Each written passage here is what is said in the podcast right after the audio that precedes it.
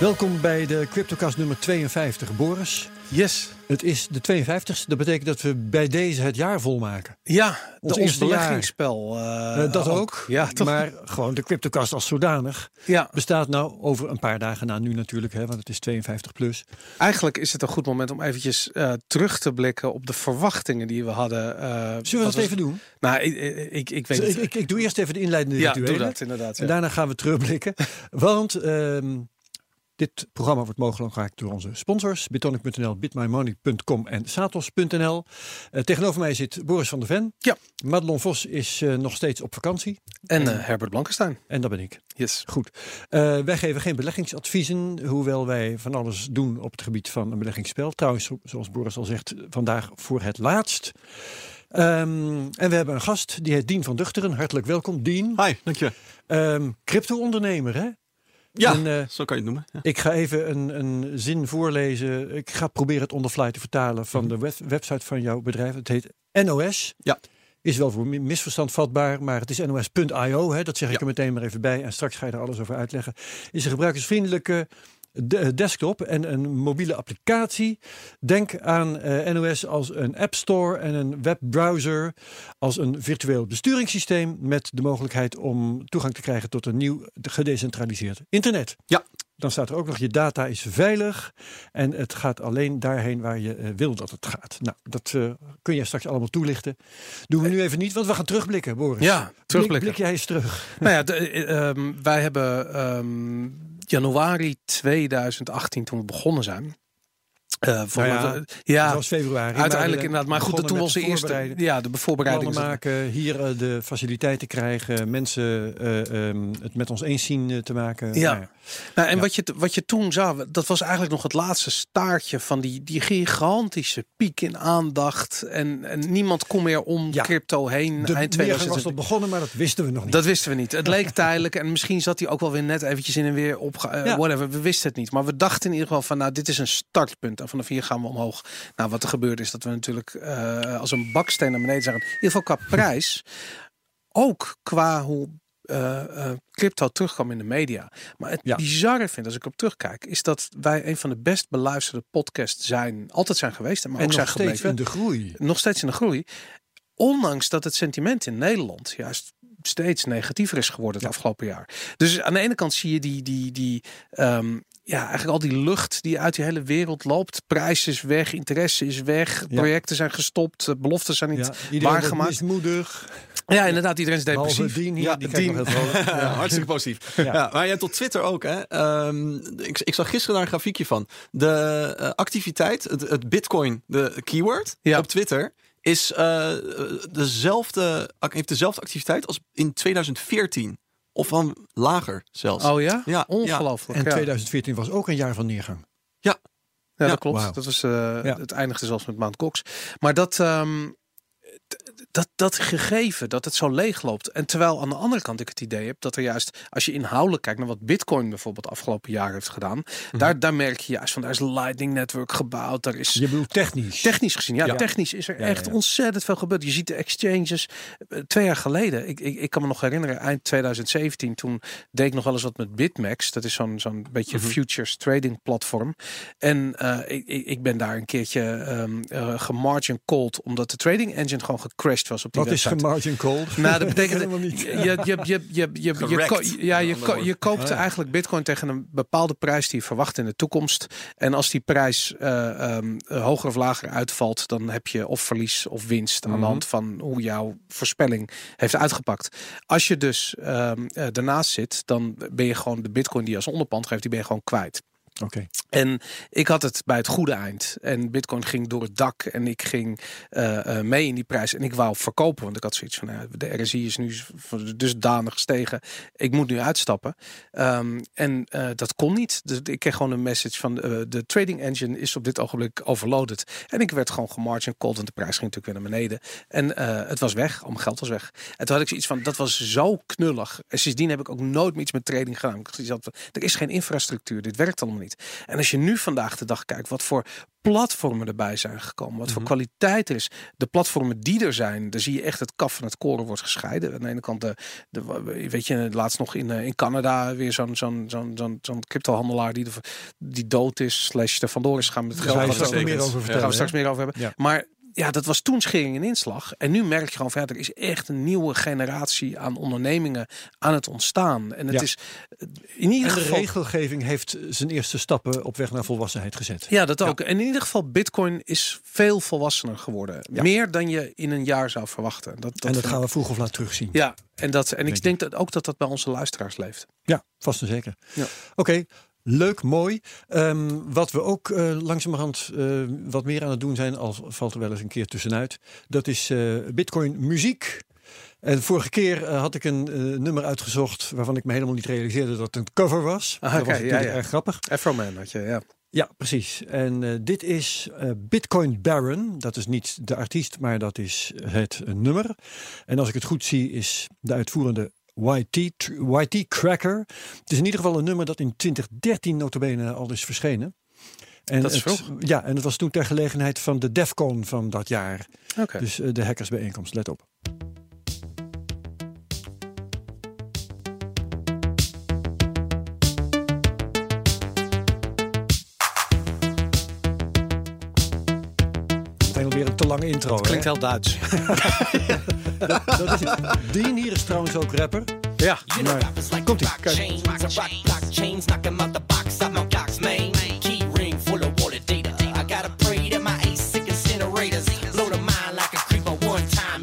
divine. A fine way to keep the power bill in check. My equipment is starting to sweat from the heat. Crypto anarchy becoming a threat. So elite.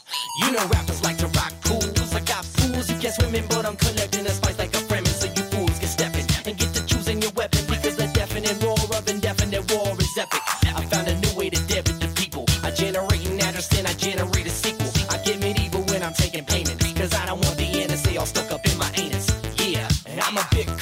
is veel te goed, eh, Herbert. Dit is veel te pro. Ik dacht, ik laat het, eh, laten we even doorlopen tot het refrein. Dat hebben we nu. Ehm, ja, nou, I'm a Bitcoin Baron. Goed. Wat zeg jij ervan, Dien? Hij was er vroeg bij. Hè? Hij Qua, heeft, eh, qua Bitcoin. Nou ja, en het feit om, om, om überhaupt te overwegen dat je een Bitcoin nummer maakt als het nog helemaal niet zo populair is, Zeker. dat, is, dat laat zien dat hij een, een echt een gepassioneerde artiest is. En ik, hè? ik ben zelf, dat weet Boris, jij niet zo erg, maar ik ben zelfs ontzettend eh, eh, kritisch en hard to please als het om rap gaat.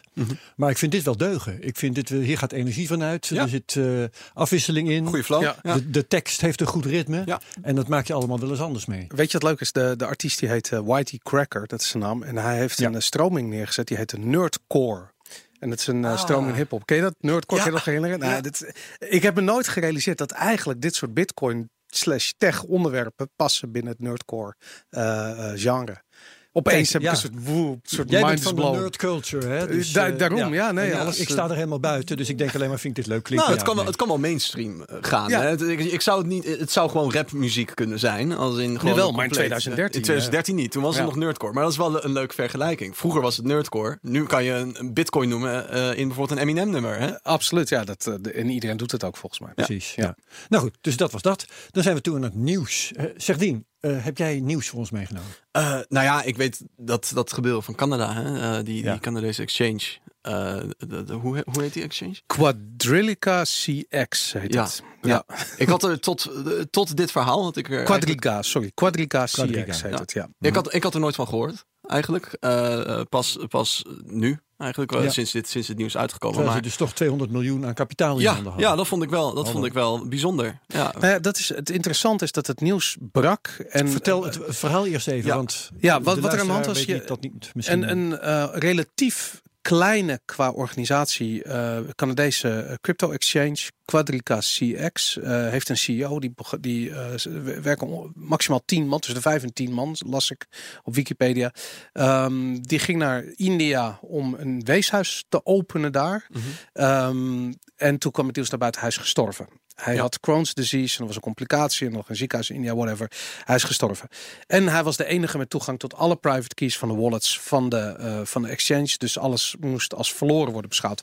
Een behoorlijke eh, snelle conclusie, moet ik zeggen. Die in Ja. één adem werd genoemd met Ja. het overlijden van die CEO. En wij hadden toen- daar toen in de appgroep van de CryptoCast onderling een discussie over. eh, Ja. Waarbij jij zei, dit is, dit is zo idioot, dat kan helemaal niet. Terwijl ik dacht, nou, eh, er zijn wel dommere dingen gebeurd in de sfeer van de exchanges. Dus waarom zou het niet kunnen? Ja, kijk, eh, in, in principe alles kan, maar er zijn een aantal dingen. En dat is dat, ehm, eh, en dat werd, nou ja, goed, wij zaten, ik had toen al zoiets van, ja, dit is typisch de, het gezwendel wat je ziet in een bear market. Dus wat je bij dit soort bedrijven wel eens ziet, is dat ze, eh, die hebben dan bij wijze van spreken, het zou, dit zou gaan om 20.000 bitcoin. Ja, je bedoelt, in een, in een eh, bull market wordt iedereen toch rijk, dus dan hoeven ze dit soort dingen niet Nou, wat, wat er in bull markets gebeurt, is kijk, eh, dit soort bedrijven hebben dan 20.000 bitcoin. Die zijn gewoon wat aan het handelen. En die pakken wat marge op die bitcoin. Ja. En die zijn een beetje aan het traden. En wat ik net vertelde over Bitmax, dat zijn ze aan het doen.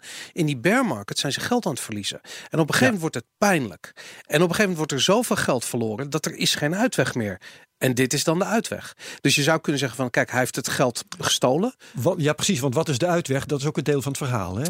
De- Ja, wat wat nu de vermoedens zijn. nou ja, Want dat ik heb gelezen dat eh, al vrij snel de, de, op de adressen die zogenaamd niet toegankelijk waren, dat daar bitcoins werden bewogen. Ja, Ja. inderdaad. Ja. Litecoins op precies zijn was dat. En, dat oké. en dat, nou goed, dat als je zegt, als je direct zegt van we hebben geen toegang tot eh, de wallets, eh, dan zeg je dus er heeft niemand toegang tot de wallets. Ja. Dan kunnen er niet bedragen eh, overgemaakt worden van de ene wallet. Dat is onmogelijk. En dat gebeurt toch. Dus met andere woorden, iemand heeft wel toegang Iemand tot die wallets. Ehm, je zou kunnen zeggen, de kans dat deze meneer dood is, eh, is ook nog eh, helemaal niet 100%. Want Ja. eh, in India schijn je voor 16 dollar een death certi- certificate te kunnen Ja, kopen. specifiek het gebied ook waar hij is eh, gestorven. Oh ja, dat daar? Ja, dat had ik vanochtend gelezen. eh, oh, dat is dat- Death Valley, zou ik maar zeggen. Ja, ja.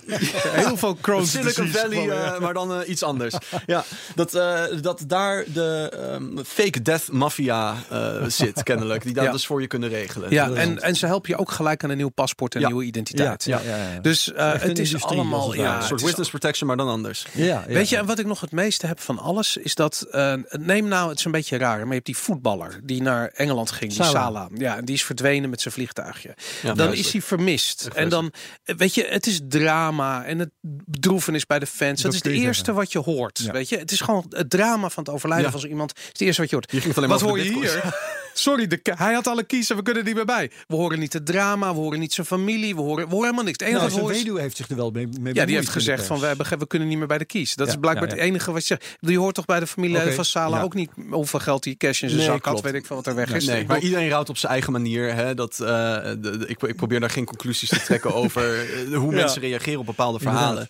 Eh, Je weet ook niet wat, natuurlijk, wat er werkelijk wordt gezegd en wat er dan uit context in de media vervolgens wordt gezet. dat is ook waar. Dus, eh, eh, ik, ik, ik probeer natuurlijk.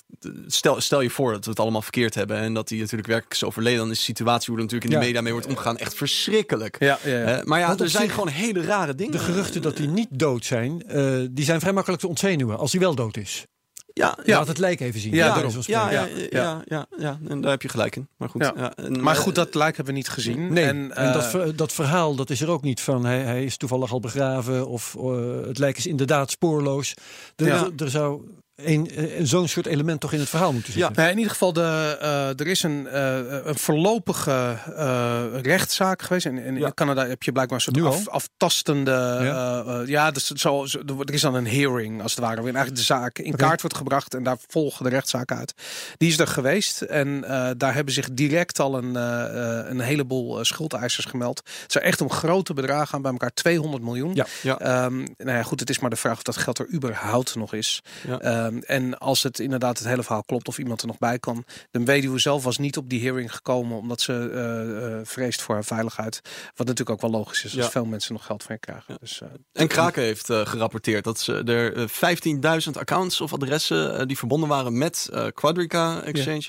Eh, 15.000 verschillende Kraken-accounts of Kraken-adressen, depositadressen, withdrawal-adressen en zo aan, aan Quadrica verbonden waren via Kraken. oh, Interessant. Ja, Wat ja. voor ver- verbondenheid moet dat dan zijn? Dat. Eh, nou, als je een adres, ik, ik weet niet precies hoe het zat, maar als je een adres natuurlijk, als je een account bij Kraken hebt, dan kan je ehm, verschillende eh, withdrawal adressen aanmaken hè, om je Ah, zo, geld eraf te halen. zelf aan als gebruiker. Eh, Ja, die kan je genereren volgens mij. Dat is om het geld te storten op Kraken. Je kan natuurlijk ook geld afhalen. Ik weet niet welke van de twee zij hebben, maar er waren in ieder geval 15.000 verschillende adressen verbonden aan Kraken. Wat natuurlijk ook apart, apart is. Ja, nou is eh, Kraken wel een hele grote exchange. Dus Ja. ik bedoel, het zou zomaar kunnen dat ze gewoon Kraken gebruikten voor een fiat ingang, uitgang. Ik Ja. weet niet, zoiets. Dat ja, zou kunnen. dat kan. Ja, Zeker. dus, maar goed, eh, al met al wel weer opvallend nieuws. En het opvallendste van alles, en ik weet niet of jullie dat hebben meegekregen, is dat het niets deed voor de prijs van Bitcoin. Nee, maar daar zijn we al een tijdje aan gewend. Ja, behalve mij. dat een van de eh, tekenen dat je een bodem hebt bereikt, is dat slecht nieuws de prijs niet Dat verder zei je vorige week ook. Dat zei ik vorige week ook. En nu weer een eh, bevestiging. Zitten we nog steeds op de bodem? Volgens mij blijven we daar ook heel lang. Ik denk, ik denk dat we best nog wel laag kunnen. Kijk, helaas Ja. is uh, Madelon er niet, maar... eh, Nee, ja, maar god, als ik de, de berichten lees, hè, of, eh, ik, eh, nou ja, eh, op alle eh, Bitcoin nieuws sites, dan er zijn natuurlijk altijd de onverbeterlijke boels, de Charlie Lee types, Tommy Lee types. Ja. Um, dan kan het, uh, dan kan het nog veel hoger, maar uh, de geluiden zijn ook dat het tot 1700 uh, enzovoorts. Ja, nou ja, goed, dat, het, is, ja, het is moeilijk om in de toekomst te kijken. Zeker. ja. ja. Had je nog meer nieuws? Want ja. dit, dit, dit bracht Dien op eigenlijk. Je had ja. je er duidelijk op voorbereid. Maar wat, had jij nog wat? Ja, ik volgde de hele week. Mijn uh, nieuws was eigenlijk uh, dat afgelopen week de week van Jack Dorsey was. En Jack Dorsey is de CEO van Twitter. Uh, maar ook de CEO van een payment provider die heet Square. Ja. En die hebben een app in Amerika en dat is de Cash app. En de Cash app stelt je in staat om bijvoorbeeld bitcoin te kopen. Heel simpel, met wat dollars. Niet grote bedragen, maar juist gericht op kleine bedragen. Geen creditcard toestanden, gewoon kleine aankopen van bitcoin. En uh, Jack Dorsey was uh, om te beginnen te gast bij uh, de podcast van Joe Rogan. En daar vroeg Joe Rogan aan hem van heb je bitcoin? En toen zei hij ja ik heb bitcoin. En toen vroeg Joe Rogan hoeveel? En toen zei hij enough. Uh, dat, wat al opvallend Twee is. keer hè? de helft. Ja. ja. maar iemand van dit kaliber. We hebben het hier over een van de Silicon Valley miljardairs. Ja, ja. Waar er een handvol van zijn. En die bepalen echt uh, niet alleen de dialoog via hun eigen platformen. Ze bepalen ook het, het sentiment in Silicon Valley. Maar ze bepalen ook in zekere mate de politieke teneur die er in Amerika. Of de discussie die er gevoerd wordt. Zo, het zijn mensen met veel invloed. Dus het is opvallend dat iemand op zo'n positie gewoon zo uitgesproken uh, bitcoin maximalist blijkt te zijn. Want vervolgens ging de discussie op Twitter door. Uh, om te beginnen kreeg hij de Lightning Torch. En ik weet niet of je dat meegekregen hebt, maar sinds twee weken worden er uh, kleine bedragen via Lightning, eigenlijk één bedrag via Lightning, overgemaakt van de een naar de andere. Uh, van het ene naar andere adres. Iedereen voegt daar uh, 10.000 Satoshi aan toe. Wat, uh, een soort bucket challenge. 30 cent. Ja, precies dat. Maar, dan maar, maar, ieder, maar, het, maar, het, gaat erom van dat je dus laat zien hoe snel en hoe goedkoop die payments zijn. Ah. En die gaan dus nu over alle continenten heen. We hebben volgens mij al 400 verschillende mensen gehad die dat aan elkaar door hebben gegeven. En Jack Dorsey ontvangt van um, een, een, een podcast host uit Amerika ontvangt de Lightning Torch en geeft hem Leuk door idee. aan Elizabeth Stark. Zij is de directrice van Lightning Labs en zij hebben Lightning gebouwd. Dus dat was al een 1-2'tje. Vervolgens ontstaat er op Twitter een discussie met Jack Dorsey over Bitcoin. Ze vroegen bijvoorbeeld uh, waarom Bitcoin? En daarop gaf hij, ik ga niet al zijn tweets voorlezen, alleen deze. Hij zei: Bitcoin is resilient, Bitcoin is principled, Bitcoin is native to the internet ideals and it's a great brand. En daarmee vat hij zo goed samen uh, wat de toekomst van Bitcoin in zijn ogen is. Dat is hartstikke mooi. Hij zegt van het is gewoon het, het geld op het internet. We gaan ja. alle transacties in Bitcoin omrekenen. Nou, dan wordt hem later ook gevraagd of hij niet toevallig in de war is met Bitcoin Cash. Daar reageert hij heel cynisch op. Dat is hij duidelijk niet.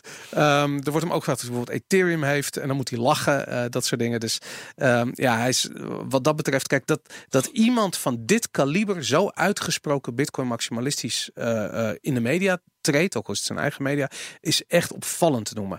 En ik nou, heb Joe Rogan is toch niet zijn medium? Uh, nee, maar Twitter wel. Hij doet het Twitter via Twitter. Oh, doet via Twitter. Uh, en dat is ja, natuurlijk zijn, ja, ja, zijn platform.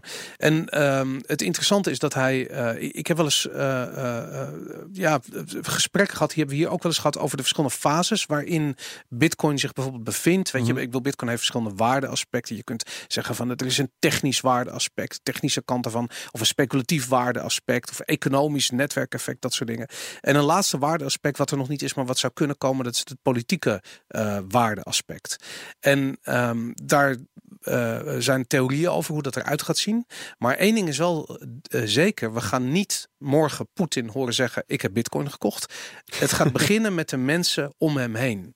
En als je nou kijkt naar Jack Dorsey, dan is dat zo iemand die zich in, de, in, het, in de, het omveld van de macht in Amerika bevindt. Hij is iemand die ontzettend veel aanzien heeft, speelt een hele grote rol in de media, eh, zit inmiddels ook via zijn Square-dienst in het eh, betalingsverkeer. Ja. Is absoluut iemand die die dialoog voert. En dit zijn van die tekenen dat we langzaam toe gaan werken naar die volgende fase. Heel erg interessant. Dus ik vond dat eh, fascinerend. Nog een eh, Oké. interessante statement eh, bij Joe Rogan. Dat hij zei als het, eh, dat je het internet kan zien als een eigen land. Ja, Hè? En, dat, en dat bitcoin daarvan dus de currency is van dat land. ja. Vond ik ook een, een interessante... ja, ook zoiets inderdaad. Ja, geniaal. Ja, en is eh, John Perry Barlow eh, revisited, zal ik maar zeggen. Ja. ja, geen grenzen meer. Super cool. Ja, ja, ja. Vet. Oké. Wat, is jouw nieuws, eh, Herbert? Ehm, mijn nieuws, eh, dat is, ik vond het vreselijk grappig. Ehm, dat is dat eh, het Formule 1 team van Red Bull Oh ja. vanaf nu gesponsord wordt door Futuro Coin. Ja. Wauw. Dus En vooral ze- het blinkende persbericht waarmee Ja, Red Bull... ja, ja, daar zijn ze geen bitcoin maximalist, dat is Nee. duidelijk. Eh, kende een van jullie, had een van jullie ooit gehoord van Futuro Coin? Eerder? Het ben klinkt bekend. maar-. Misschien een Futura coin. Ja, zo. Future Coin misschien. Ik tik dat meteen in op CoinMarketCap. Ik tenminste wel. Dat Ja. blijkt dus coin nummer 1799 te zijn. Oh, kijk in de eens, er zit perspectief in. Ja, Met stip op 1790. dusdanig intensief eh, gebruikt dat er nog niet eens een marktkapitalisatie van wordt gegeven door CoinMarketCap. Oké, ja. Eh, dus eh, ja, ik zat me af te vragen, waar, halen die dan dat, waar doen ze het van? Dat is dan meteen de vraag, eh, wat zou dat kosten, een sponsorschap? Ik vind het heel erg Ze 2017. zitten op een hele bunch exchanges. Oh, dat wel. Ja, dat kopen ze. Kijk, er zit duidelijk Precies. achter met geld. Dus het is, het is iets waar geld in zit. Alleen het is niet iets wat zelf een erg duidelijke geldelijke status heeft. Omdat ze dus Nee. geen marktkapitalisatie hebben. proof of persbericht. Ja, dat, eh, dus ja. we kunnen daar verder niet zo vreselijk veel van zeggen. Maar ik, ik vond het, eh, d- het is bijna alsof de host weer terug is. Ja. Als we, als je dan, misschien moet je er optimistisch van worden.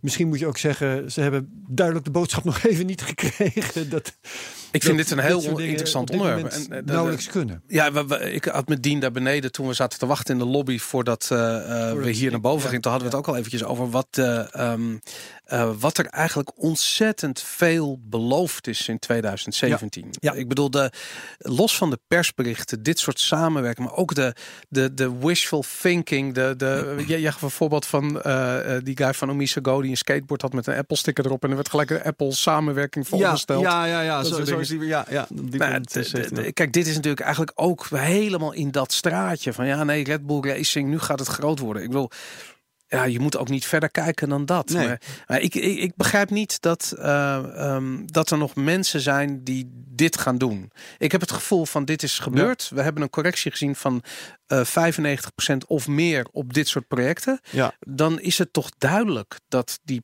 proof of persbericht aanpak gewoon klaar is. Ik ja, bedoel- het hangt een beetje vanaf welk publiek je wil bereiken. ja, dat is waar natuurlijk. Ja. ja, misschien dat er nog ontzettend veel mensen zijn die zoiets hebben van ja, nou, dat lijkt me wel wat, dat Futuro Coin.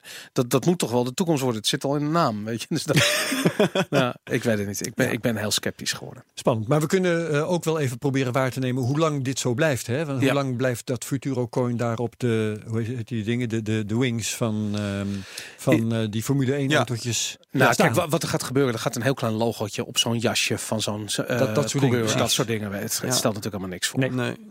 Alright.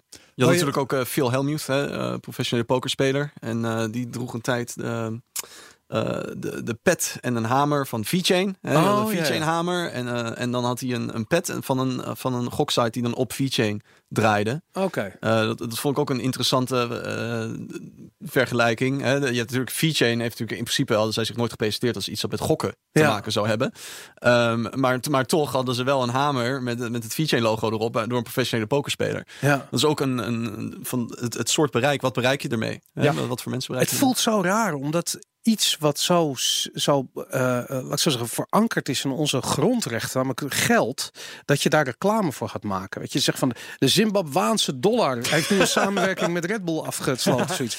Of, of ze van de, jouw privacy wordt nu mede mogelijk gemaakt door Vodafone. Nou zo. hebben al die, die, al, al die altcoins hebben natuurlijk niet allemaal de ambitie om geld te worden. Nee, dat klopt. Ze hebben wel een Zeker. waarde, maar die, eh, dat, oké, dat is een prijs die je voor kunt betalen om dat ding te krijgen. Maar verder zijn ze bedoeld om, sommigen dan tenminste, om een gebruikswaarde te hebben. Spelen een of andere rol in het productenpakket van het bedrijf. Ja. Maar ze hebben niet de ambitie om echt betaalmiddel te zijn. Niet allemaal tenminste. Nee. Ja, nee, dat snap ik. Behalve dat zodra het wat, wat, wat, wat speculatieve waarde krijgt, natuurlijk daar de exit op doemt voor de oprichters. En die Jawel, van- maar dan hebben ze meer een status eh, eh, als, als van aandelen bijvoorbeeld dan een status van geld. Behalve dat je met aandelen gewoon winstdeling hebt en dividend krijgt uitgekeerd. Ja, ik weet dat wel wat verschillen zijn. Ja. Maar je kunt niet eh Futurocoin vergelijken met, behalve dan misschien in, eh, in eh, waarde, maar niet ver- vergelijken met de Zimbabwaanse dollar, want dat is gewoon betaalmiddel. Ja, nee, oké. Nou goed. Dat, Geld. dat zal Futurocoin inderdaad nooit worden. Wil jij nog iets doen aan prijsanalyse in plaats van Madelon of niet? Nee hoor, nee. Ik, eh, ik vind dat we heel erg moeten wachten. Het gaat tot ook allemaal heel eh, erg sideways op dit moment? Er gebeurt ook echt helemaal niks, inderdaad. Ja. Daarom. Nou, eh, in dat geval vertel ik nog eventjes over. Oh, dan moet ik even mijn PC zien. Want ik was nog bezig met het eh, 100 dollar per week project, nietwaar? Oh, oké, ja. En ehm, oh, ik heb, ik heb hier de cijfers, ik heb ze wel bij de hand. Ik hoef de PC niet op te starten. Ja. Ik heb ingelegd voor de 44ste keer 100 dollar op 3422. En dat is voor mij weer een all-time low. Wauw. Het is niet het all-time low van Bitcoin van eh, dit jaar Mhm. of van de afgelopen, eh, het afgelopen jaar omdat eh, ik de allerdiepste diepten heb gemist, omdat het er net niet op donderdag viel. Ja, Weet je wel, we nemen op op donderdag. daarom. Maar goed, ja. ik heb weer bijna 0,03 bitcoin opgepikt. De waarde van mijn pakket is nu 2621 dollar. Ietsje meer dan vorige week. maar nog wel ruim 40% in de min. Het is maar wat. En ik ga door tot ik 5000 dollar heb ingelegd. En dan parkeer ik de zaak. En kom ik er weer op terug als er interessante dingen gebeuren. ja, Maar dat, gaan we er een jaar lang niet meer over praten. En ook over ons beleggingsspel. Want Nou, dat dat eh, beleggingsspel, dat moeten we dus wel eventjes eh, doornemen nog. Ja. Want ik zit hier, zeg jij het eerst maar. Wat, Nou, wat ik stond jouw vorige week op is. 104 Jouw eindstand. Mijn eindstand inderdaad. Ik ben dus begonnen en dit is wel helemaal virtueel. Dit is, we hebben nooit echt geld ingelegd. Dat was ook een van Nee. de voorwaarden omdat we geen beleggingsadvies wilden geven. We wilden eigenlijk aan de hand, dat is de bedoeling, aan de hand van dit beleggingsspel zouden we de verschillende projecten waarin we in en uit zouden stappen, zouden we meenemen, Ja. zouden we over vertellen.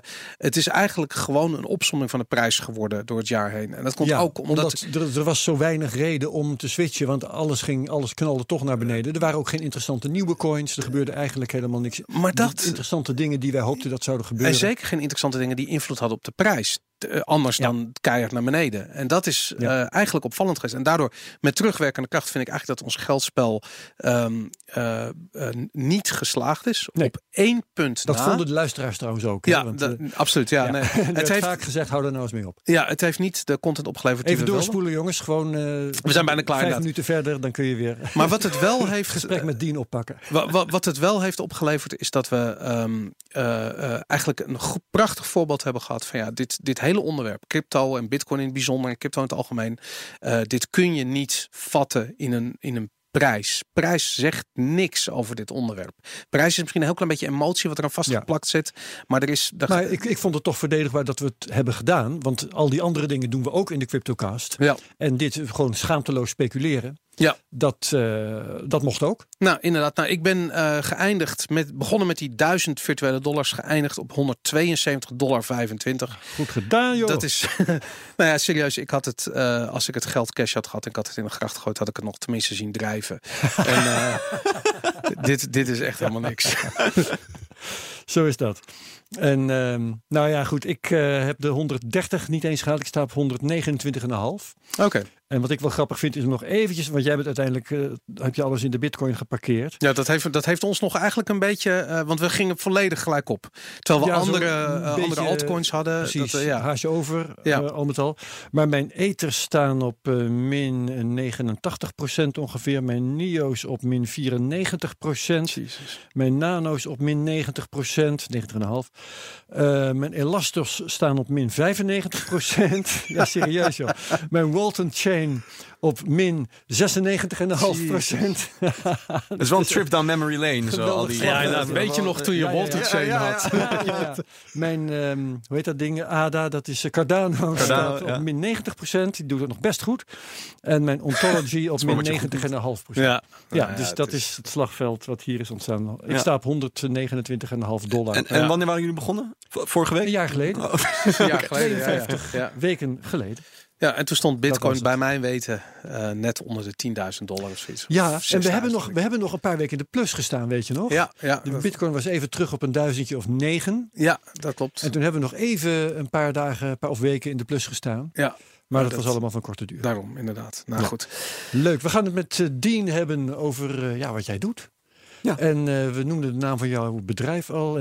Maar we nos.io. Ja, niet willen- te verwarren met... eh, ja. Met precies met de publieke omroep of wat daarvan over is.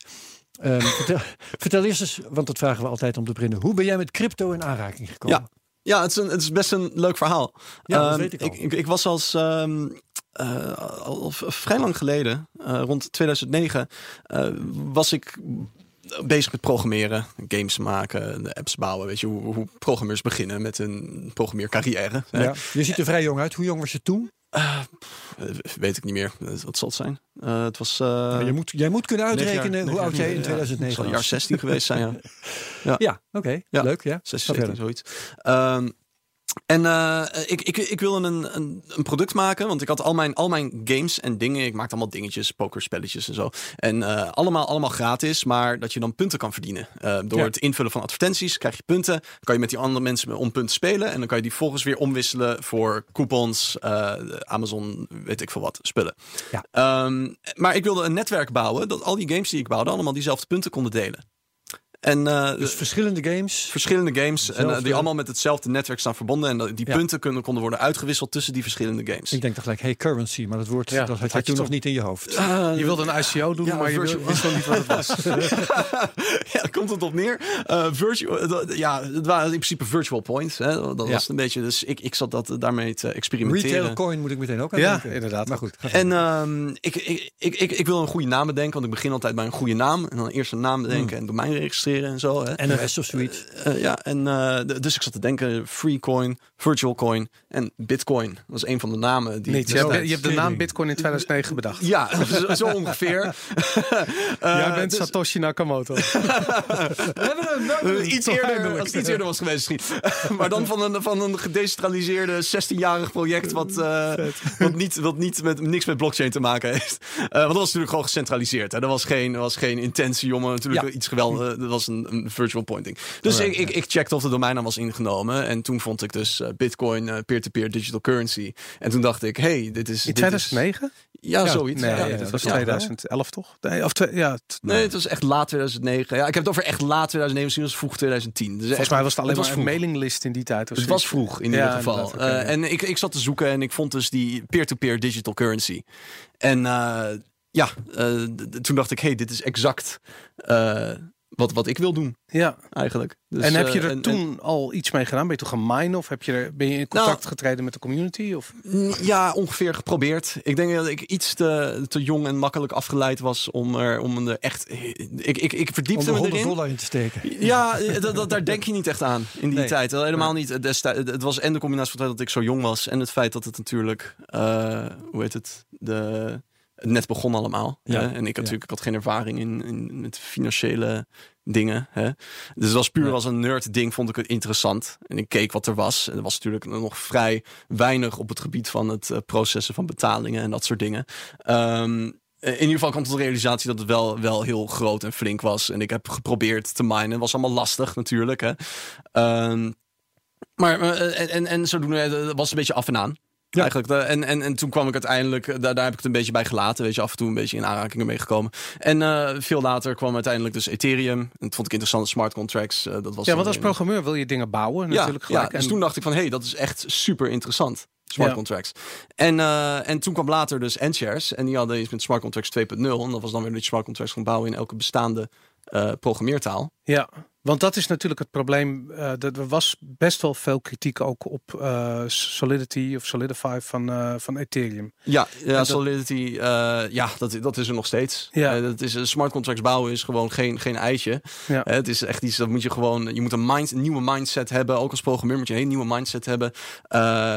Want niks heeft meer centrale controle. Dus hoe zorg je ervoor dat iets compleet gedecentraliseerd blijft? Hè? Ja. Dat, is, dat, dat is het eerste. En dan moet je de programmeertaal nog kennen en alle logica eromheen kennen. Ja. Ehm, dus, eh, dus programmeren in een taal die al bestaat, was al meteen een Want jij deed Python en waarschijnlijk een. een ik, ik, ik was altijd PHP en natuurlijk oké, en dan ja. voor de frontend JavaScript en uiteindelijk ook Node.js en dat het uitkwam.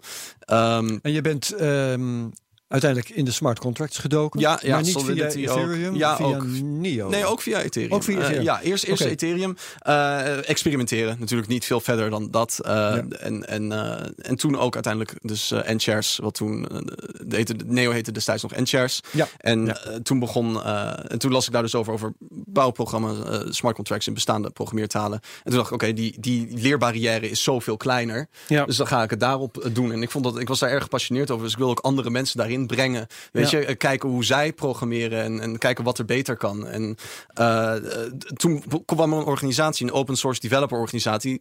Die heet dan City of Zion. Dat is een referentie aan de Matrix. Oké. Eh, daar heb je ook een eh, ja. City of Zion. En eh, dat is dan een open source developer groep. En die eh, maakte ja, SDK's, eh, dingen om makkelijker te bouwen op, op eh, Neo. Hey, en Ja. waarom dan Neo? Ik bedoel, ik begrijp het, het, het argument van de. ehm, Mag ik want, want oh, ik heb een, eh, een, een tweet hier, vind ik wel heel leuk om te quoten in, Ja. eh, in dit verband. Ehm, toen ik bekend had gemaakt dat we met Dien gingen praten en dat Nio daar een rol bij zou spelen.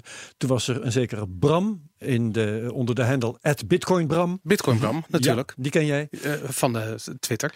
Juist, precies. En eh, die reageerde meteen, "Ii, gecentraliseerde shitcoins, deze sla ik over. Ja. En het grappige is dat op jouw site stond, dus ik heb dat net ook gequote. Ik fiets er even naar terug.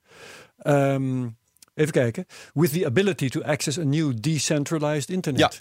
Dus eh, is er nu een misverstand over de vraag of NIO nou een gecentraliseerde of een gedecentraliseerde coin Nou, is? kijk, NOS draait niet specifiek op eh, Neo. De, de, wij steunen Neo als platform. eh, Ja, om, waarom om eigenlijk? applicaties op te bouwen. Eh, omdat het makkelijk is om applicaties op te, op maken. Dat is eigenlijk het, het, het meest simpele uitleg. Ja. maar is Ehm, het gecentraliseerd inderdaad? Heeft Bram gelijk? de, Want ja, kijk, de, heel vaak waar- zijn daar, zijn daar echt richtingen, is daar echt richtingenstrijd over. Ja, dat weet ik. Het is natuurlijk heel idealistisch. Eh, en het is maar wat jij, wat, wat jij wil. Ik vind gece- gecentraliseerde tussen aanhalingstekens. Ik maak het nu een beweging met Ja, de mijn ja, de quote. Eh, ehm, eh, het, het, het, biedt, het is inderdaad, er zijn, de nodes zijn redelijk gecentraliseerd. Er wordt er één gerund door KPN trouwens wel. en één door Swisscom. En de rest allemaal door Neo zelf. Dus er is enige de- geografische decentralisatie. Ze zitten over de hele wereld. Hè. Ja. Uh, maar het is natuurlijk allemaal onder contract met Neo. En Neo heeft wel uh, aardig veel controle over alle nodes. De Neo Ja. Foundation. Maar Maar, het en komt het is uit China, dan denk ik ook meteen, oh, dan zullen de Chinezen wel de baas zijn. Of is dat een beetje... ja, dat is, ik weet niet. Complotdenken. Iets te, dat weet ik Maar niet. kijk, het is natuurlijk het is niet zo gedecentraliseerd als Bitcoin. Kijk, Bitcoin is de meest gedecentraliseerde Ja, absoluut. cryptovaluta. Absoluut, dat is en in die zin ook eh, eh, het stokpaardje van iedereen die, die juist de hele. eh, Maar rond 50% van de miners zitten weer wel in China. Dat? Eh, nou, Ja, dat, is is inmiddels eh, mining heel erg eh, ze met het aanstaande faillissement van Bitmain heel hard naar beneden aan het. eh, Ja. Nee, onze vriend Nou ehm, eh, eh, eh, Mark van der Tjijs, die eh, doet het erg goed met Bitfury. Die zijn eh, hele interessante Juist. dingen aan het doen. Ja. Maar goed, maar in ieder geval dat. Dus Kijk, je, je hebt wel nodes die zijn en ze zijn gecentraliseerd. En, maar het doel van Neo is dat het uh, dat zij, zij vinden dat er nog veel updates moeten gebeuren. Zij erkennen, luister, uh, Ja. uh, bit, crypto, smart contracts, al die dingen zijn nog niet ideaal. Weet je, over tien jaar willen we niet nog steeds uh, leren hoe je in, in een week lang leren hoe je een private network opstart en dan vervolgens daar je eerste smart contract opbouwt en na weet je twintig uur programmeren je eerste hello world hebt. Maar, maar weet je, want je, je maakt er een grap van, maar ik, ik, ik vind namelijk serieus dat het die fase niet is ontgroeid sinds 2017. We hebben al die beloftes gezien in 2017 en het een, de enige toepassing waarvan ik echt zou kunnen zeggen van nou dat heb ik nog niet eerder gezien, dat is CryptoKitties op Ethereum. Ja, En het ging ook gelijk plat. Gehad. En ik, van al die smart contract platformen heb ik werkelijk geen één toepassing gezien wat ik dacht van, nou ja, hè, hier hebben we het voor nodig. Ik vind MakerDAO vind ik de meest interessante op dit moment. Eh, maar is dat ook niet gewoon een, een, een, hoe noem je dat, een soort governance eh, toepassing laag bovenop Ethereum? Het is een, eh, het is een algoritmische stablecoin hè, met dat, Ja. collateral systeem. Ik, en, en het zorgt ervoor dat die DAI token is dus eh, gebonden aan 1 dollar. Ja. Maar het, is, het wordt niet gedekt door een bank of iets. Het is algoritmisch. Het Ja. een, een algoritmisch collateral systeem. Ik vind dat bijzonder interessant. Ja. Eh, en, en, en vooral omdat het een stablecoin is die, die puur eh, gedecentraliseerd is. En. DAI token. De DAI token, DAI. DAI. Die is dus 1 dollar. En dan heb ja. je een collateral systeem. En dat is dan weer MakerDAO. En die is daar weer aan Maar gekoppeld. daar Eh, moet, je, eh, eh, eh, daar moet je Ethereum voor hebben, toch? Om daar andere transacties te doen, hè? Sowieso heb je daar Ethereum, ethers voor nodig. Ja, oké, nou goed. Ja. En, en wat zou je dan zeggen van, de, van, van, van al de andere? Ik bedoel, er zijn zoveel van die eh Cardano. nee, dat klopt. Er eh, zijn veel projecten. Het is allemaal nog heel erg in de kinderschoenen. Walton Eh, Chain. Walton Chain, Ja. ja. Min- dus, Ja. eh, Tron 97%. volgens mij ging ook die kant op. Ja, eh, kijk, je hebt natuurlijk veel eh, gokapplicaties, hè, veel gambling. Eh, Ja. dat, dat, en ik vind dat eh, mensen die klagen erover en noemen het in het rijtje Ponzi schemes, eh, pyramids en gambling. Ja. Eh, ik, daar ben ik het niet mee eens. Ik vind dat transparant gambling, eh, dat dat een gigantische verbetering is voor de mensen die willen een gamen met hun geld. Hè. Ja. Eh, is natuurlijk het feit dat je ziet dat het eerlijk gebeurt. Eh, Ja. dan weet je weet precies waar je staat. Dat, je kan niet meer zeggen, oh, eh, die en die site is rigged. eh, zo, Ja. dat, kan, dat kan dus niet. Maar Boris die, die stelt de vraag, eh, of het is eigenlijk een opmerking. Ik zie, ik zie eigenlijk helemaal geen fatsoenlijke toepassingen van die smart contracts. Nee, dat klopt. Je hebt een bedrijf dat daarop drijft. Ja. Dus vertel eens wat jij doet voor je klanten. Kijk, eh, nou ja, het is, we zijn geen klanten in de sens dat, eh, dat de mensen ons betalen. Wij hebben een eh, open platform, het is open source. Ja. En het maakt het mogelijk om applicaties te bouwen op een dermate makkelijke manier die verbinden met crypto, blockchain of zelfs compleet gedecentraliseerd met alleen maar smart contracts. Maar Dat geef eens een voorbeeld van hoe dat eruit Goed. zou zien. Nou, we hebben, een aantal, we hebben een aantal applicaties die zijn gebouwd op ons testnet. Ja. eh, door onze developer community. Eh, daar heb je bijvoorbeeld bij een eh, forum. Nou ja, Steemit zijn jullie misschien al bekend mee. Ja. Dat Ja. is misschien daarmee vergelijkbaar. Dus gewoon dat je Voor mensen die gedecentraliseerd. het niet weten, ja precies. Dat Het is gewoon een Reddit als het ware, maar dan ja, decentralized. contentplatform. Ja. En je kunt daar geld verdienen. Je kunt daar je, je, je eieren kwijt, zeg Ja. maar. Je inhoudelijke Ja. boodschappen, Nee, je op- op- artikelen, video's, wat dan ook. Ja, precies. En op een, een veel simpeler eh, use case is gewoon een forum bijvoorbeeld. Hè, zoals eh, de- de- Ja. natuurlijk met eh, GameKings waarschijnlijk ook hebt, hè, een community forum. Ja. Maar dan dat, dat alle berichten gewoon via een smart contract op de blockchain worden gezet. Kunnen ze ook niet meer worden verwijderd of aangepast. Hè, dan staan die daar vast. Ja. Ja. daarnaast heb je natuurlijk ook berichten sturen aan elkaar via een blockchain. Dat weet je zeker. Als het encrypted is, hè, met public key cryptography. dat ik een bericht aan jou stuur en alleen jij kan het vervolgens lezen. Uh-huh. En de, de geëncrypte versie ervan staat op de blockchain. Ja. Eh, dan heb je een heel goed privé eh, communicatiesysteem. Eh, dat is ook zeker interessant, want dan weet je zeker dat bijvoorbeeld Facebook niet meer kan kijken naar wat jij stuurt aan Maar- wat ik aan jou stuur. Maar uiteindelijk is het juist, de, dus die decentralisatie is dan wel weer heel erg belangrijk. Omdat je... Ja, zeker, zeker. Ehm, en, maar we steunen ook, we gaan ook, we bouwen ondersteuning voor Ethereum. Eh, Ja. Ook onder andere. Eh, en welke we- ander platform nou de En, en developers willen. sidechange voor, voor Bitcoin. Kijk je daarnaar? De Eh, Rootstock R- of RSK? Ja? RSK. Ja, vinden Ja. we ook interessant. Dus daar zijn we ook aan, aan het kijken. Het is gewoon wat de developers willen en wij kunnen het integreren met ons platform. En, En- ja, ja, sorry, ga je. Ja, nou, om, om, om terug te komen op het punt over, over Neo. eh, het, het ding is, Neo heeft een ander startpunt. Dat is vooral het belangrijkste. Eh, voor, voor hun ideaal is, we beginnen nu centralized, want dan kunnen we het makkelijker updaten. Ja. En dan als het uiteindelijk goed loopt, dan kunnen we langzaam steeds meer decentraliseren. En Ja, dat is eigenlijk, dus het begint gewoon bij een gecentraliseerd punt. Maar dan weet je ook dat er veel sneller, veel eh, meer grondige updates zijn. Ik heb er nog nooit zo naar gekeken, maar denk je dat, dat er meerdere eh, crypto-projecten zijn die gewoon fungeren als instappunt? Dan wel voor development, dan wel voor speculatie, dan wel voor gewoon in aanraking komen met het ecosysteem. Om vervolgens te leiden naar de meest dense- decentrale, naar de meest eh, eh, liquide eh, chain die er is. Alle, alle, alle, alle wegen alle wegen naar leiden naar Bitcoin. Ehm, nou, nou, kijk, ik denk dat er echt specifiek wel echte eh, eh, use cases zijn voor smart contracts. Daar zijn, weet je, eh, gedecentraliseerde communicatie is denk ik een van de meest basis dingen die je kan noemen. Maar je hebt bijvoorbeeld ook een interessant project, is QLC Chain. Dat heette vroeger Q-Link. Ja. Ehm, dat, dat is een decentralized eh, VPN-systeem. Dan kan jij dus middels tokens kan jij jouw router en netwerk aanbieden als VPN voor mensen die bijvoorbeeld in China die toegang hebben, nodig hebben tot de rest van de wereld. Ja. Dus dat, dat is ook een interessant systeem. Hè? Als jij een, een partij hebt die jij specifiek, waar jij specifiek een VPN wil gebruiken, dan kan je dat gewoon direct peer-to-peer doen. Ja. En alleen maar wanneer je het nodig hebt. Dus je betaalt ook geen vast bedrag meer voor eh, per, per maand of per jaar voor je VPN. Je betaalt alleen maar wanneer je het nodig hebt Ja. aan de partij die het je aanbiedt. Dat vind ik ook, dat, is, dat, dat klinkt decentraal en het klinkt heel logisch. En, en dat draait dus ook op smart contracts. Ja. En jij biedt eh, een platform, hè, dus je maakt niet zelf apps, je biedt een platform. Andere mensen kunnen op dat platform apps eh, Bouwen, maken, maken ja, en aanbieden. Ehm, wat is dan jouw verdienmodel?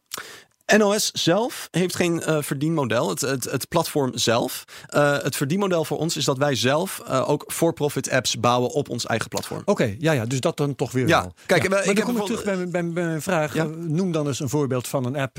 maar dat heb je Goed. net eigenlijk al zo'n beetje gedaan. Ja, we- ja, bijvoorbeeld dus de gambling apps, de communicatie apps. Ehm, maar voordat ik NOS begon, was ik ook bezig met een andere applicatie. Die is nu inmiddels af. En we wachten nu op een ander platform, Moonlight, die dan de backend voor ons aanbiedt. De rest van de backend. Ja. Ehm, en dat is eh, VDT Network. En dat is een eh videorendering applicatie. Waarmee in principe mensen eh, middels tokens dus een videomateriaal aanbieden. Een After Effects project eigenlijk. En dan kunnen zij bijvoorbeeld tien verschillende nodes. kunnen dan dat project allemaal een 10% ervan renderen. En dan krijg je dus tien keer zo snel krijg jij jouw, jouw project terug. Ja, hè, gerenderd. Dat is gaaf. En, en, dat, en dat is ook voor een decentraal netwerk. Dus dat kan ook draaien. Dus dat heeft allemaal een front-end nodig. Hè? Het heeft allemaal een applicatie nodig, toegang nodig. En dat bieden we dus weer met NOS. We bieden een App Store. Die is ook decentralized. Dat is misschien ook een leuke eh, punt. Hè, als je, je hebt de Apple Store bijvoorbeeld. Maar Ja. Apple bepaalt natuurlijk in principe wat er allemaal op staat. Ja. Eh, bij ons is het dat de, de mensen, de community, eh, bepaalt wat er op die App Store En komt hoe dat? Je moet, je moet er wel tokens hebben? Ja. Of ja, op die manier. en ja, die ja. App Store, eh, de apps in die App Store, waar zijn die geschikt voor? Eh, per, domme ka- vraag dat is gecategoriseerd. Dat, eh, eh, Ja, precies. In Ja. bepaald, eh, dat is per categorie. maar dat natuurlijk. kunnen dus gewoon iPhone-apps zijn of Android-apps. Ja, Of- ja, het is, het is cross-platform apps. Dus alle apps worden gebouwd in eh, HTML, JavaScript en zo. Verbinden direct met de blockchain. Ja. Of server-side render. Dus gewoon klassieke, normale, En hoe echte kom apps. ik daar? Als ik eh, gewoon een, een app zoek voor mijn iPhone, ik wil eens kijken wat, wat die dien in de aanbieding Ja, heeft. nou, de, de, de mobiele applicatie bieden we nog niet aan. We bieden nu alleen de desktop-applicatie aan. Eh, die kan je krijgen op nos.io. Oké, dus dan moet je gewoon heen en dan kun En dan kan je... NOS Client downloaden. Dat is in principe dus een wallet. Eh, gecombineerd met een internetbrowser, App Store. Eh, we integreren met Nash. eh, de Nash Exchange is ons partner. Is een decentralized non-custodian exchange. Compleet ehm, eh, legaal. Hè. Ze hebben alle licenties in Liechtenstein. En ehm, eh, ze hebben ook een security token en zo. Dus daar, en daar kunnen we dan mensen direct ook... ehm, eh, tokens opkopen dan eh, via ons platform. En eh, dat is een, leuk feature als je een applicatie gebruikt. Dat brengt die drempel omlaag. Stel je voor dat jij bijvoorbeeld QLC-chain gebruikt op ons, op ons platform. En je hebt QLC-tokens nodig hè, om een VPN te gebruiken. Maar jij bezit die tokens niet. Maar je bezit bijvoorbeeld wel Ethers Ja. of Bitcoin of NOS tokens. Dan, kan, dan detecteert NOS van oké, je hebt geen QLC-chain. Dit zijn de tokens die je wel hebt. Wil jij deze tokens inwisselen voor QLC-chain of de Gewoon een decentralized soort atomic exchange? swap via die... eh, soort van. Ja, ja, ja, ja. En, eh, en dan heb je dus en dan heb je in één interactie, je wil die VPN gebruiken, je exchange direct die tokens eh, voor de tokens die je nodig hebt en je hebt meteen je VPN. Ik Dus- wou dat het andersom kon. Dat ik al dat waardeloze gruis wat ik nog op Dat kan alle exchanges met in één keer naar bitcoin kon. dat, kan, dat kan ook. Ja, ja, daarom inderdaad. Hey, en ehm, we hadden het net over eh, het kelderen van alle coins. En de NEO is, eh, heeft zich daar niet aan kunnen onttrekken. Die is ook, Mhm. eh, ik weet niet, tussen de 90 en 100 procent is hij down. Is dat voor jou relevant? Nee. Nee, kijk, wij zijn een compleet gefocust op development. Hè? De Ja. tokens, de waarde van een token bepaalt natuurlijk niet wat je er wel en niet mee kan. Nee, dat is duidelijk. Ja. Dus eh, de, verder. Dus jij gaat verder fluiten door het leven. En, eh, Ja, we hebben gewoon een platform, een project en een focus waar we, waar we aan werken. En Ja. de, de waar- eh, waarde van coins en tokens is natuurlijk een, eh, iets wat je niet onder controle hebt. Eh, en als je daar 100% van afhankelijk bent als developmentbedrijf, dan doe je toch Ja. iets verkeerd. Ja. Ja. Hey, en we, sorry, ehm, Ja. we moeten langzaam ook een keer over Malta gaan Ja, ja, dat wou ik eigenlijk Oh, doen eigenlijk. Mooi Ja. Zo. Ja. Mooi zo. Want je bent op Malta gevestigd met je bedrijf. Ja. Waarom? Nou, eh, duidelijkheid. Eigenlijk, dat Ja? is de. Duidelijkheid qua regelgeving. Ja.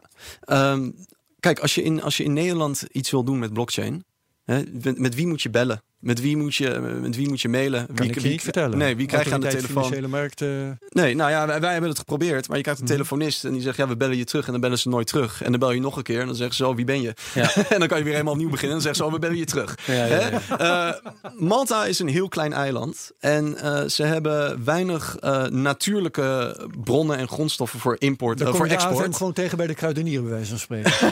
Bij wijze van, ja, ja eigenlijk. ja. Eh, maar, maar ze hebben heel weinig aan, aan export. Ze hebben niet, niet veel eh, de, ehm, financiële drijfveer aan, aan export. Hè. Ze maken sigaren, ze maken olijfolie, ze maken hele lekkere geitenkaas. Ik zou het allemaal proberen. Het is allemaal heerlijk daar. Ehm, maar eh, eh, daar blijft het bij. Oké, want het is gewoon een kleine steen natuurlijk. Een piepklein Ja. eilandje onder Italië, tussen Italië en Afrika een beetje in. Hè? Ja. Ehm, dus waar haalt, waar haalt Malta hun waarde uit? En dat is uit business. En Ja. ze hebben dat al jarenlang gedaan met de iGaming, hè, met de gokindustrie. PokerStars zit er. Eh, er zitten heel veel uh, goksites, sportsites. Ehm, omdat er gewoon heel veel duidelijkheid is. En als je iets niet duidelijk was, wat doe je dan? Dan bel je de partij die erover gaat en die geven je duidelijkheid. Hè, en die helpen je. Ja, want eh, ehm, het is dus daadwerkelijk zo. Niet alleen zijn de partijen er, ze zijn ook heel benaderbaar. Ja.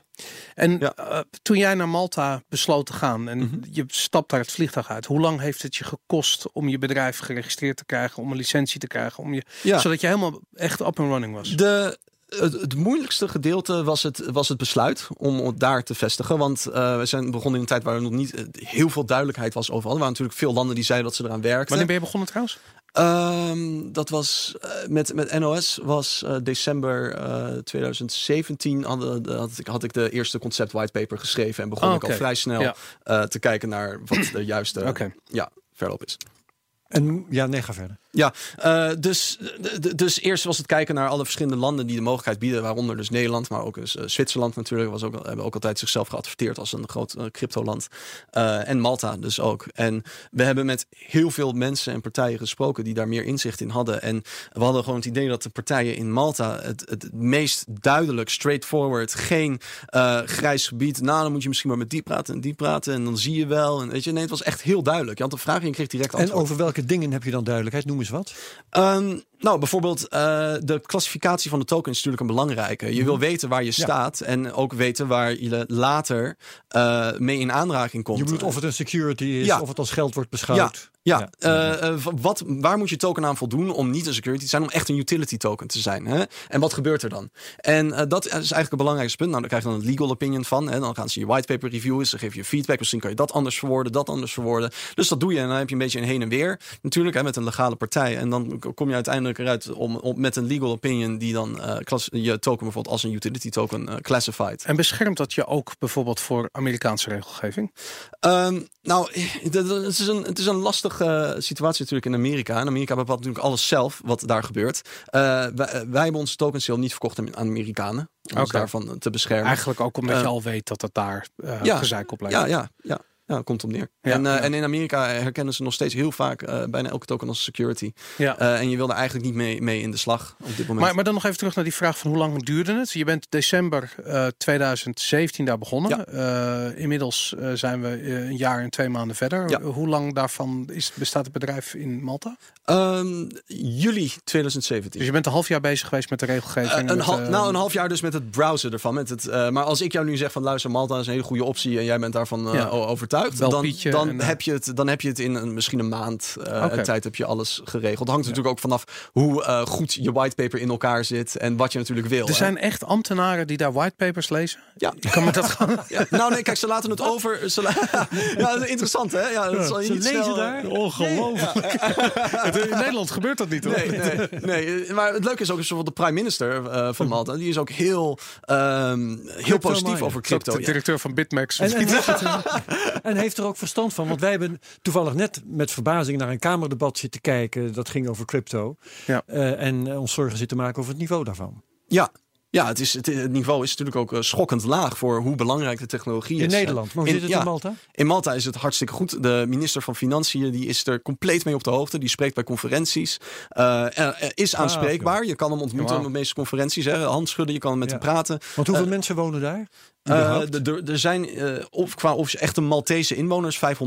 Maar dan heb je ook nog alle inwonenden natuurlijk. Internationale Ja, inwoners. maar die zijn dus gewoon goed opgeleid. Het zijn geen eh vissertjes. Nee, je hebt daar een universiteit en veel studeren natuurlijk ook in Daar Engeland. krijg ik moeilijkheden mee trouwens. Maar dat is Sorry, vissers. Ja, nee, je hebt, het is daar, ze hebben daar goed op een rijtje. Hè, want kijk, hun business is het binnenhalen van business. Ja. En, en daarom hebben ze dus alle advocaten en zo, die zijn er natuurlijk ook van bewust. En wat, wat doet de overheid? Die laat het over aan de aan advocaten. Als er, eh, ze reviewen het op case-by-case basis, kunnen ze een keertje kijken naar je whitepaper. Als ze zeggen, hé, hey, daar klopt iets niet, dan kunnen ze misschien eh, nog een keer even checken bij je. Weet je, Dan gaan ze je bellen. Het ding is, als er iets mis is, Ze bellen ook zelf. Ze bellen terug. ze kunnen je bellen, ze kunnen je Ja. per mail bereiken of ze nemen contact met je advocaat die het je dan laat weten. Ehm, maar in Nederland eh, hè, is, is de situatie zo: er is weinig voortgang. Er zijn natuurlijk heel veel partijen, er gaat vrij weinig snel door.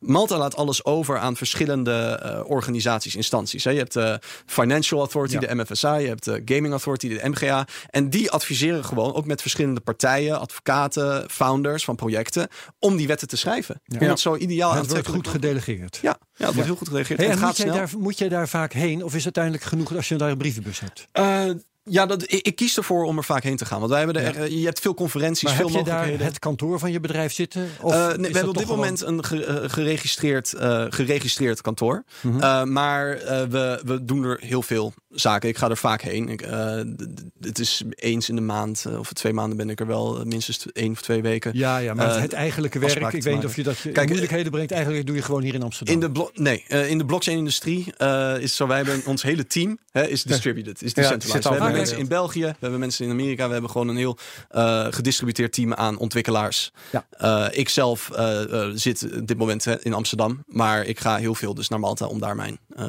werk te doen, afspraken te maken, conferenties te gaan, ja, et ja. Hoe zit het met investeerders in Malta? Hoe is het investeringsklimaat?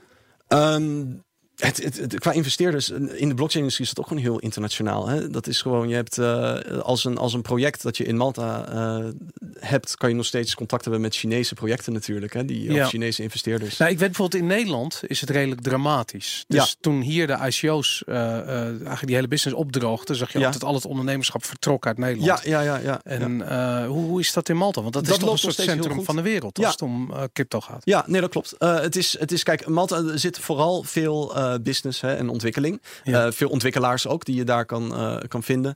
Ehm, qua investeerders, eh, ik zou het niet weten. We hebben niet echt met Malte specifiek Maltese investeerders eh, gesproken. Maar zijn, zijn er grote eh, venture capital firms die bijvoorbeeld daar eh, misschien vertegenwoordigers hebben of naar Ja. evenementen komen Ja. of naar Ja, zeker. zeker. Je, hebt, ehm, eh, je hebt bijvoorbeeld Binance, hè, die zit daar. Je hebt ook OKX, die zit daar. CoinMarketCap zit er tegenwoordig. Oh, eh, natuurlijk dus heel veel projecten, die zitten daar ook. En die gaan er ook allemaal natuurlijk vaak naartoe. ja. En ja, die, die, die dealen allemaal met elkaar. Zoals je weet, Binance heeft een, een VC-arm, Binance Labs. OKX heeft OK, OK Capital. Dus die, die zijn er natuurlijk ook allemaal, hebben daar allemaal representatives. Dus ja, je hebt Ja. daar wel. En het leuke is, is, het is een klein eiland. Zoals je elkaar wil spreken, je kan een half uurtje Ja. rijden en, en je ziet elkaar. Ja, dat is het is makkelijk. heel, heel bizar wat, wat er nou gebeurt. Hè? Want er is dus één zo'n.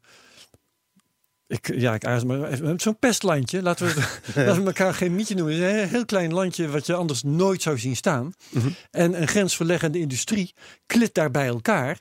Wat goed is voor de industrie. Wat eh, ik neem aan ook verdomd goed is voor Malta. Hè, want het Ja. land vaart daar wel bij. Ja. Er komt gewoon geld binnen. Mhm. Op allerlei manieren. En, en eh, er eh, hoopt zich technologische kennis op. Terwijl ook elk bedrijf dat daar zit is in wezen een gemiste kans. Voor het land waar de mensen die dat Ja, bedrijf hebben opgericht vandaan komen. Ja. Dat jij daar zit is een gemiste kans voor Nederland. Toch of niet? Ja, enigszins. En dat komt, en dat komt door een lek aan duidelijkheid. Ja. En, en, en voor, vooruitstreving hè, erin. Ja. Maar het betekent dus wel dat eh, dit gaat Malta op lange termijn heel veel goed doen. Ja, het doet het al heel veel goed, hè, natuurlijk. Ja. Ze staan eh, constant aan de top van alle, van alle sur- weet je, budget surplus, eh, GDP. Eh, alles is in Malta is heel, Ja. eh, heel En, en is dit, doet Malta dit alleen in crypto? Of zitten ze ook op allerlei andere technologische Ja, ja. gebieden aan, aan het front? Nou, ze hebben dus natuurlijk, dat is een beetje hoe ze zijn begonnen met die geweldige internationale business infrastructuur in Malta, is de, de iGaming, hè, gokken. Oh ja, dat had je al verteld. ja, PokerStars en zo. Eh, en ehm, nu Veel Engelse bedrijven ook, die natuurlijk, kijk, Malta was ooit Engels natuurlijk, dus dat was een Britse makkelijk. kolonie. Ja, daarom. En digitale bedrijven natuurlijk, hè? want eh, autofabrieken die kun je daar wat moeilijker kwijt. Ja, die- dat lijkt me niet. Nee, nee maar al, al die internetbedrijven die kunnen daar heel makkelijk heen. Want ja, eh, net zoals jij zegt, je kunt toch distributed werken. Ja, Ja. En- ja dat is en, natuurlijk de eh, toekomst. Hè? ja. Iedereen werkt van huis. Precies. Eh, eh, vooral in de techwereld. dus het Ja. zijn speciaal dat soort bedrijven waar Malta eh, Ja. geschikt voor is. Ja, maar niet, maar niet alleen dat. is de, het feit dat daar ook zoveel gebeurt. Al die conferenties, de grote, weet je, Delta Summit, Blockchain Summits, de iGaming Summits. Je hebt daar grote conferentiecentrums waar heel veel gebeurt. Dus ze, komen er ook allemaal naartoe. Het hele En zijn- eiland en is vol dat, mensen altijd. Met, de, de bedrijven zelf die op dat idee, weet je wat, we zitten hier toch,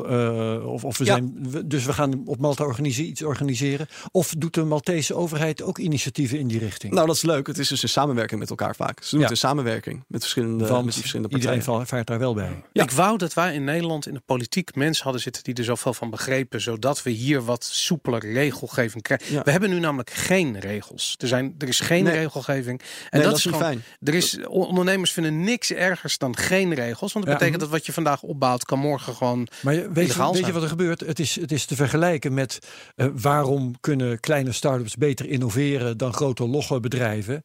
Ehm, ja, waarom kan een klein land hier sneller op inhaken dan ja, een groot mensen, land? ja, kortere Dus je kunt lijntjes. sneller, sneller beslissingen nemen. Ja. En als je dan ook nog eh, een bevolking hebt met voldoende opleidingsniveau, dat ze het een beetje begrijpen, Ja. dan kan het zichzelf versterken. Er zijn inderdaad heel veel voorbeelden van landen die dat soort sprongen maken. En snel innoveren. Een serieus groot eh, industrieel ontwikkeld land zal dit moeilijker doen. Want eh, ja, je moet meer mensen op één lijn krijgen, meer organisaties moet je overtuigen enzovoorts. Ja. Dat gaat gewoon moeilijker. Ja, gaat zeker moeilijker. Ja. En dan heb je natuurlijk nog het voordeel dat Malta een EU-land is. Hè?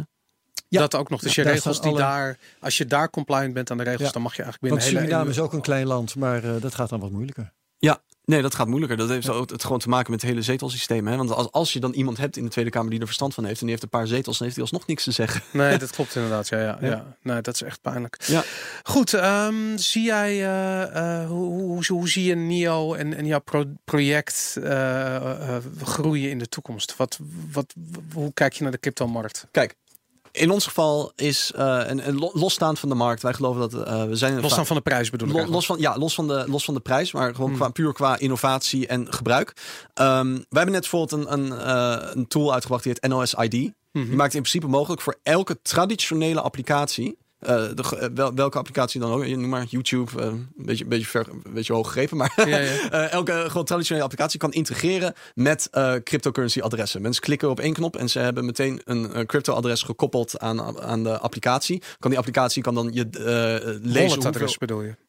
Wat zei je? Een walletadres. Een walletadres, ja. ja, En, en eh, dan kan die applicatie lezen hoeveel eh, van een bepaude token jij hebt. En dan kan, Ja. er, kan daar niet, heeft geen private key toegang. Kan wel lezen hoeveel tokens je hebt. En daarmee kan je dus weer, kan een website dus dingen doen als toegang geven tot bepaalde features, hè, punten geven in een game, eh, weet je, dat soort dingen. Eh, en, en, en dan natuurlijk integreren met eh, API's om dan transacties te maken en zo.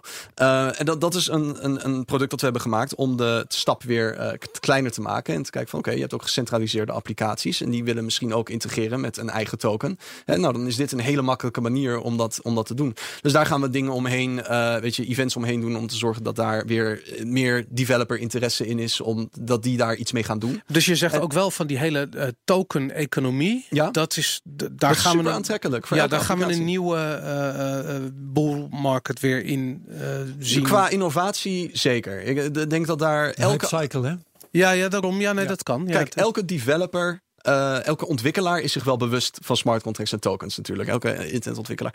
Veel die hebben, weten niet precies hoe ze het zouden integreren met hun eh, product. Maar je ziet wel dat de mensen met de juiste denktank, dat bijvoorbeeld hè, zoals BitTorrent, die, die kiezen ervoor om het wel te doen. Ja. Ja. Eh, dus dat, daar, daar ga je nog veel meer van zien. Dat, dat hele token gebeuren. Of er nog veel ICO's gebeuren, dat weet ik niet. Misschien is het via airdrops hè, of, of mining of andere situaties.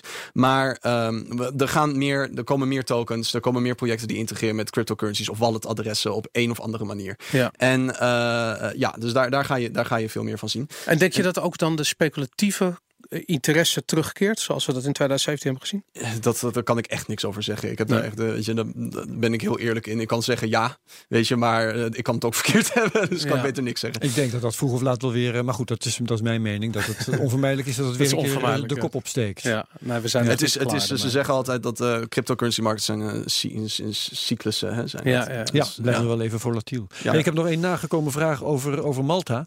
Eh, via Twitter van eh, een van onze fans, Loederen, Mhm. uit België volgens mij. Ehm, of de Brexit effect gaat hebben op Malta. Nee. Nee, Mal- Malta is een eigen land. Hè? Het heeft Ja. natuurlijk de. eh, het is wel zo dat het natuurlijk vroeger een, eh, een Britse kolonie was. Hè? Maar natuurlijk, Malta was een heel veel soorten kolonieën. Hè? Dat is natuurlijk een heel strategisch punt geweest in alle Ja. eh, in de hele geschiedenis. Ehm, mm, Brexit kan ervoor zorgen dat er misschien veel Engelse bedrijven gaan trekken naar Malta. Dat kan. Ja, omdat die natuurlijk de voordelen van de. EU willen. Ja, stabiele omgeving. En dat kan je op dit moment En Engeland EU, toch niet ja, noemen. Nee. Eh, dus dat, dat zal je wel zien. Dat Malta En kan er een voordeel. zekerheid, hè? Wat jij ook benadrukt steeds. Ja, ja, je hebt zekerheid en duidelijkheid. En dat heb je in, in Engeland op dit moment niet. Dus Ja. dat, dat, kan, dat kan ten voordele zijn van Malta. Maar dat is eh, nou ja, mijn speculatie erover. Voor de rest eh, heeft het geen specifiek effect erop. Ze staan redelijk los. Ze hebben veel van de wetten die in Engeland speelden destijds. Hè, hebben ze een voorbeeld genomen. Dat is een beetje hun, hun startpunt geweest. Hè, bewijs van. En, eh, dat, maar dat, dat is het. Ja. Dus verder geen negatieve. En dan is er effect. nog een vraag. Klopt het? Want, want eh, eh, we hebben net het verhaal gehoord van die Canadese exchange. Hè. Er zijn nog heel veel dingen die eigenlijk geregeld moeten worden. Ja. Die niet geregeld zijn. In allerlei landen niet. Mhm. Eh, de vraag of eh, ook op Malta de eh, regelgeving rondom eh, crypto strenger gaat worden. Ehm, nou, de regels zijn eigenlijk net, zijn net uitgekomen. Hè? Pas Ja. eh, no- eh, november, ja, afgelopen november zijn de wetten officieel in effect gekomen. Ja. Dus daar, eh, en daar wordt meer duidelijkheid over gegeven, maar je hebt gewoon echt richtlijnen. En het is niet dat ze nu opeens die richtlijnen weer een paar maanden later direct compleet gaan Nee, omgooien. dat is waar. Maar het kan ook niet zijn, lijkt mij tenminste, dat Malta nu helemaal klaar is met alle crypto-regelgeving.